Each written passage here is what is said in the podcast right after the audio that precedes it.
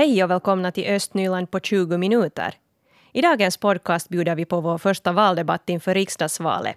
Vi debatterar kärnkraft och miljöfrågor tillsammans med Tuuli Hirvilammi från De gröna, Anette Karlsson från SDP och Mikaela Röman som är obunden på SFPs lista. Välkomna. Nu är det dags för vår första valdebatt inför riksdagsvalet den 14 april. Här på Yle Östnyland så ordnar vi två östnyländska valdebatter i radion med svensktalande kandidater. Och en sammanfattning av de här debatterna landar också på webben senare på svenska.yle.fi östnyland. Och det är så att eh, de nio etablerade riksdagspartierna själva har fått rekommendera oss kandidater som talar svenska. Och partierna fick själva ställa kandidaterna då i prioritetsordning. Och vår önskan var att kandidaterna i fråga skulle komma, komma från någon av de kommuner som Yle Östnyland bevakar, alltså Sibbo, Borgo, Lovisa, Lappträsk, Mörskom eller Pyttis. Och om partierna då inte hade svensktalande kandidater i de kommunerna så fick de istället rekommendera finskspråkiga kandidater för oss.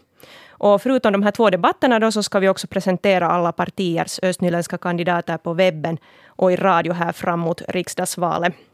Och vår första valdebatt idag ska handla om kärnkraft och miljöfrågor ur östnyländsk synvinkel. Med oss har vi Mikaela Röman, SFP Sibbo, Anette Karlsson från Borgo, SDP-are och Tuuli Hirvilammi, De gröna från Borgo. God morgon och välkomna allihopa. God morgon. God morgon. God morgon. Anette, vi har ett sånt här påstående här i vår valkompass. Lovisa kärnkraftverk bör få fortsatt driftstillstånd efter 2030. Och du skriver här i kompassen att du är helt av samma åsikt. Varför det? Nu jag tycker att i det här läget vart Finland, nu är vi ett, ett land vart vi har till exempel ett, ett kalla vintrar och, och, kallt klimat, så vi måste se till att, att det finns stadigt med energi i det här landet. Och sen från ett östnyländskt perspektiv så Lovisa kärnkraftverk är också en stor arbetsgivare i den här regionen. Mikaela, du skriver här att du är delvis av samma åsikt, men du poängterar det här med säkerheten. Kan du motivera din syn? No, alltså den här säkerheten var ju alltså ett faktum under senaste sommar till exempel, då vi hade en så varm sommar som vi hade. Och, och havsvattnet blev ju väldigt varmt och, och, och då var ju alltså nyheterna kring kärnkraftverket Lovisa att, att, att det är svårt att kyla ner det som kylas ner bör. Och, och kärnkraft är ju, som vi alla vet, alltså på sätt och vis väldigt miljövänligt, mm. men det är miljövänligt alltså till den dag någonting eventuellt kan hända. Och då är den katastrofen kan alltså vara väldigt, väldigt stor.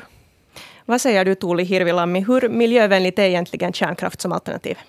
Mm, det, det finns eh, förstås många problem med radioaktivt avfall förstås. Och det är inte så miljövänligt och uh, uh, i allmänhet stödjer det inte nya kärnkraftverk. Men det här uh, frågan om Lovisa kärnkraftverk är kanske, kanske lite olikt och jag, ha, jag, tr jag tror att jag har svarat att jag delvis av samma åsikt. Det kanske. stämmer. Ja, för jag tänker att det kan vara möjligt att fortsätta det här drift tillstånd efter 2030 om kraftverk möter verkligen säkerhetsstandard och myndigheter ska eh, övertyga oss att det, det fungerar utan problem. För nu, det här koldioxidfria kärnkraft kan vara viktigt när vi byter till att utnyttja alternativ och andra utsläppsfria lösningar som vind, sol och hållbar bioenergi. Och det kan vara en lösning för den här övergångstiden bara.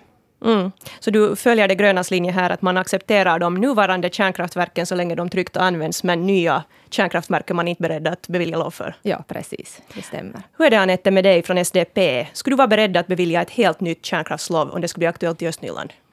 Ja, alltså om, om vad heter det, istället för att fortsätta loven för Lovisa 1 och Lovisa 2 så, och det skulle komma en, en ansökan från Fortum för att få Lovisa 3 där, där finns ju grunden redan klar i Lovisa. Så då tycker jag att det är ett alternativ som, som vi ska ställa oss positivt till och, och vara öppna till eftersom vi har ett energibehov i det här landet. Vi vet att den här kunskapsnivån om kärnkraftverk är jättestark i Lovisa och som sagt den här grunden finns redan klart där där.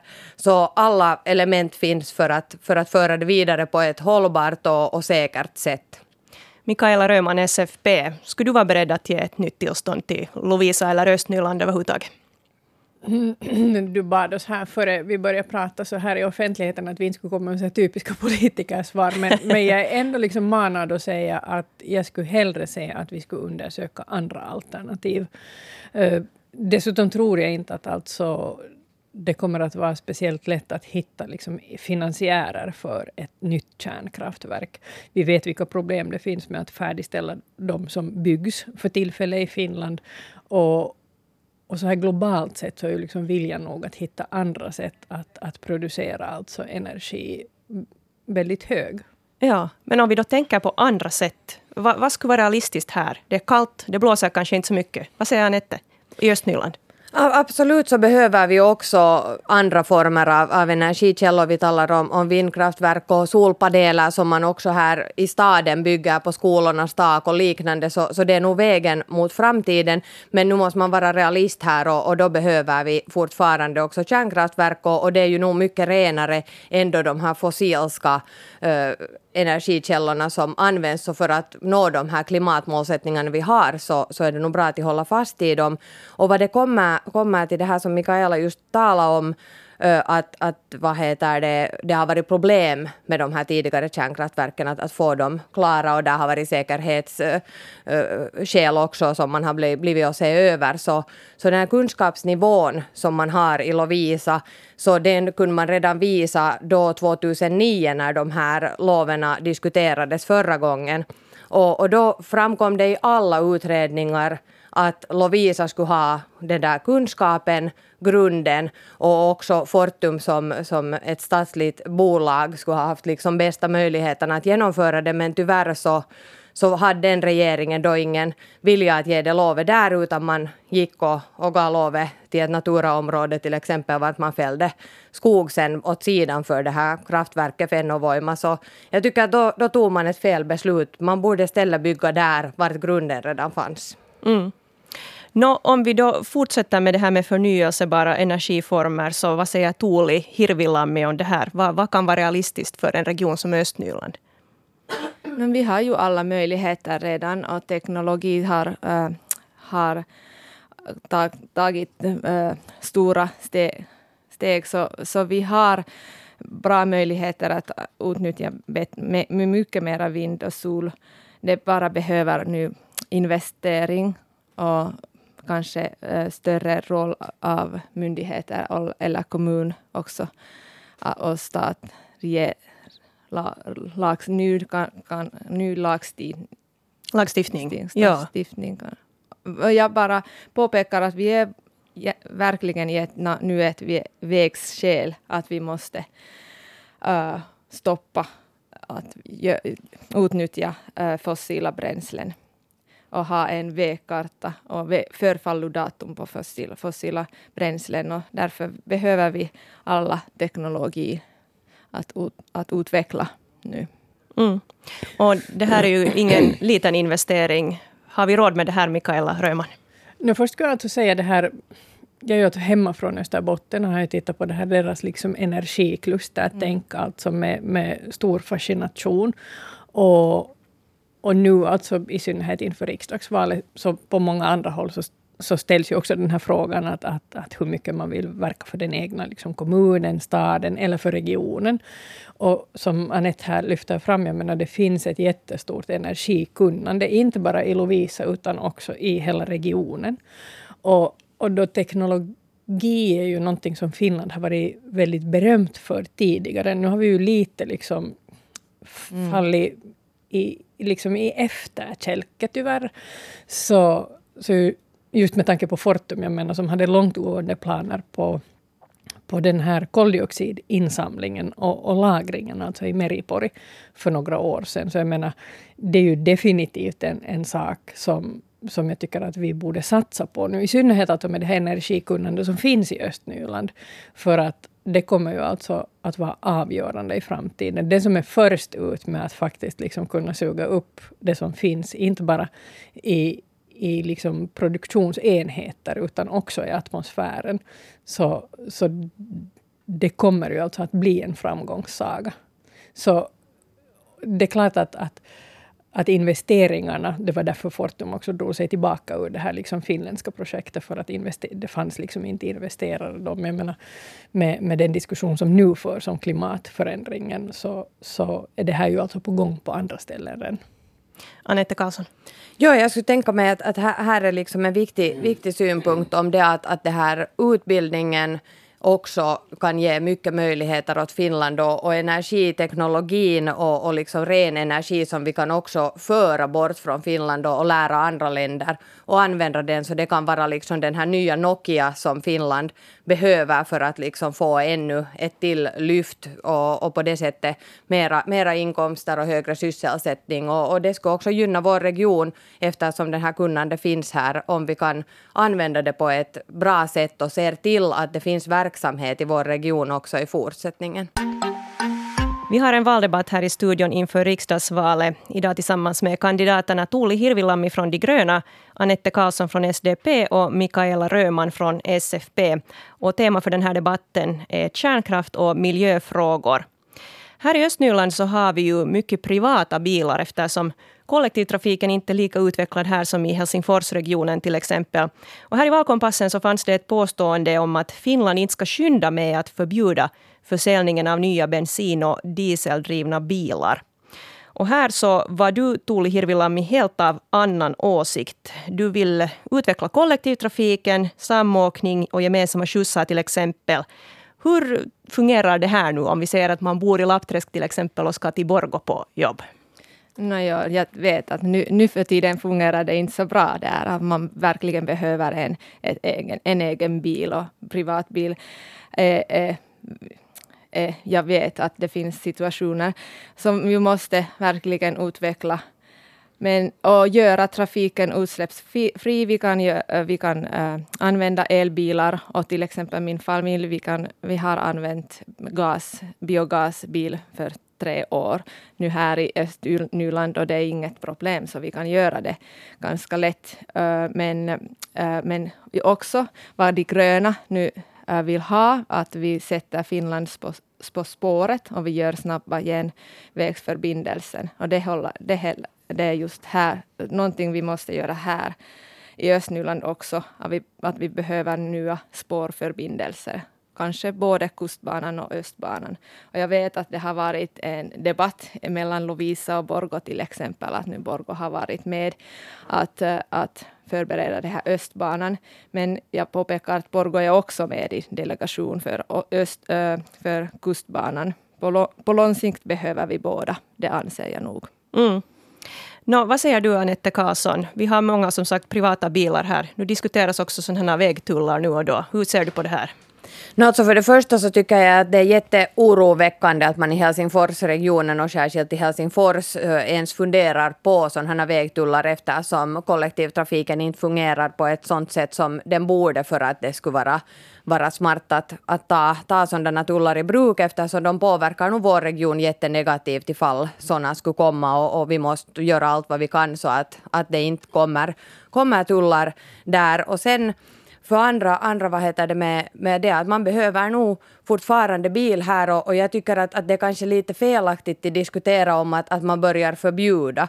Utan vi måste sända ett starkt budskap till bilindustrin och också få sådana stödmekanismer så att människor på ett naturligt sätt kan byta sin bil till en, en, ett, en bil som har mindre utsläpp och på det sättet bli miljövänligare och sen liksom där samtidigt också utveckla kollektivtrafiken. Att det får inte hända för snabbt eller, eller liksom att man, man kör rakt i en vägg för att, för att då är det mycket människor som inte, inte klarar sig och, och det, det stöter hårt på vår region i så fall.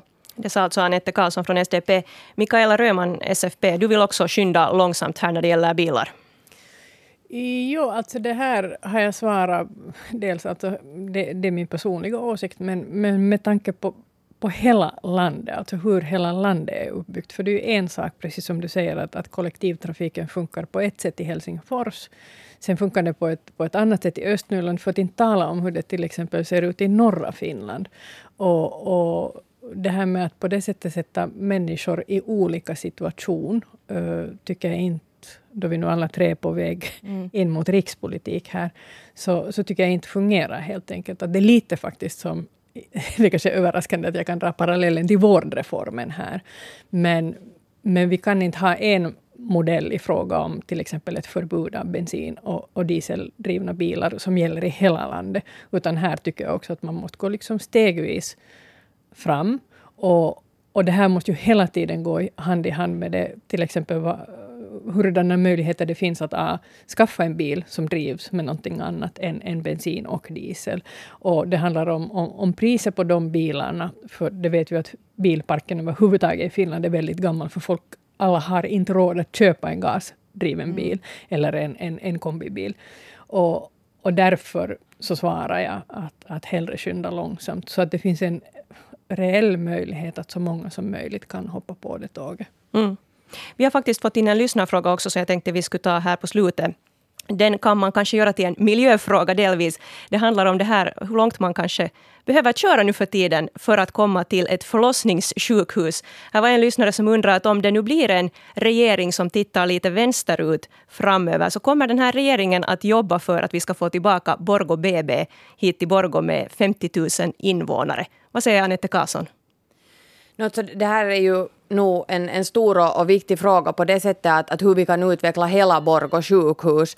Uh, att i en snabb takt få in en verksamhet som vi har förlorat här, här i regionen kan, kan vara ganska problematiskt eftersom vi har fått andra uh, modell, eller andra verksamhetsmodeller har kommit in. Vi har ögonsjukhuset och, och sen de här knä, knä och, och arm och liknande operationerna och, och sånt här som har kommit in i de här utrymmen och man har redan äh, använt, använt dem på det sättet. Men, men det som jag tänker att skulle vara viktigt nu med, med vårdreformen som man börjar göra på nästa period, så är det att vi kan stärka Borgå sjukhus, kanske få mera verksamhet där så att vi kan se till att den här jorden hålls stark och bra som, som gynnar hela regionen var det över 30 000 människor årligen som använder den. Och sen att samarbete med både Kymenlaakso och, och med sjukhusen i Helsingfors fungerar så smidigt att människor här också kan välja. Tuuli Hirvilammi, är du beredd att jobba för Borgå BB om du blir invald för De gröna? Ja, det, det, frågan är nu en stor överraskning för mig, så jag har inte tänkt så mycket och förberett mig själv att svara, men jo, jag, jag, jag också tänker att vi, det här vårdreformen som vi ska ta hand om i nästa äh, regerings... Äh, så ja, jag också tänker att vi måste, måste stärka Borgå sjukhus och just det här samarbetet. Och jag tror att äh, förlossnings... Äh, har nu varit ganska bra i Kotka i, och i Helsingfors, men det, det finns brist också där i Helsingfors. Så vi måste se hur det är mm. i framtiden. Sista ordet här till Mikaela Röman, SFP. Det är alltid jättesvårt att få tillbaka någonting som man har förlorat. Men eh, med tanke på att jag själv upplevde att det var ett ganska starkt slag alltså mot kvinnorna. Och jag vet att det finns bra och fungerande ersättande vård som man nu får.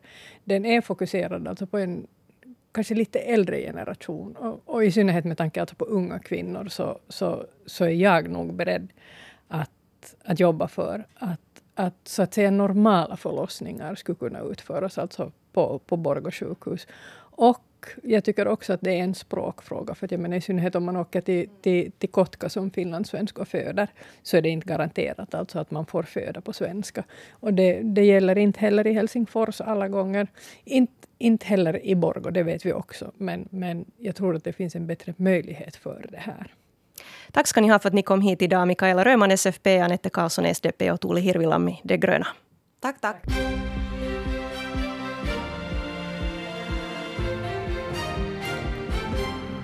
Klockan är halv åtta det är tid för senaste nytt från regionen Östnyland med Stefan Härus. God morgon.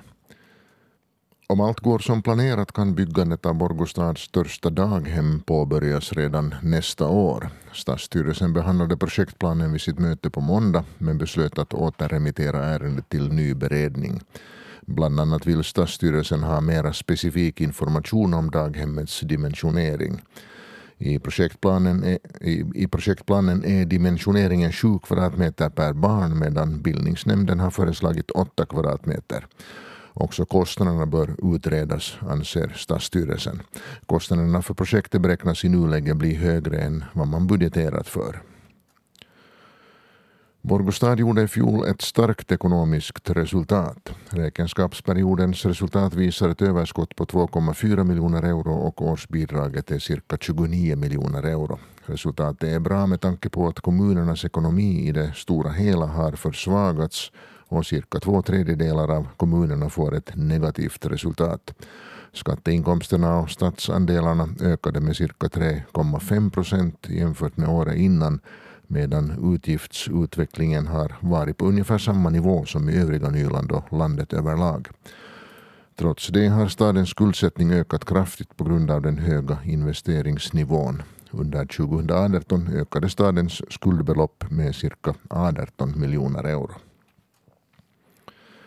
Daghemspersonalen i Borgå ska få mera lön. Det har staden och personalorganisationerna kommit överens om.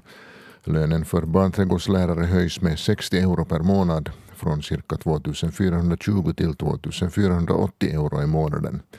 Också skolgångshandledare, närvårdare inom social och hälsovårdssektorn och socialarbetare inom barnskyddet kommer att få sina förhöjda löner.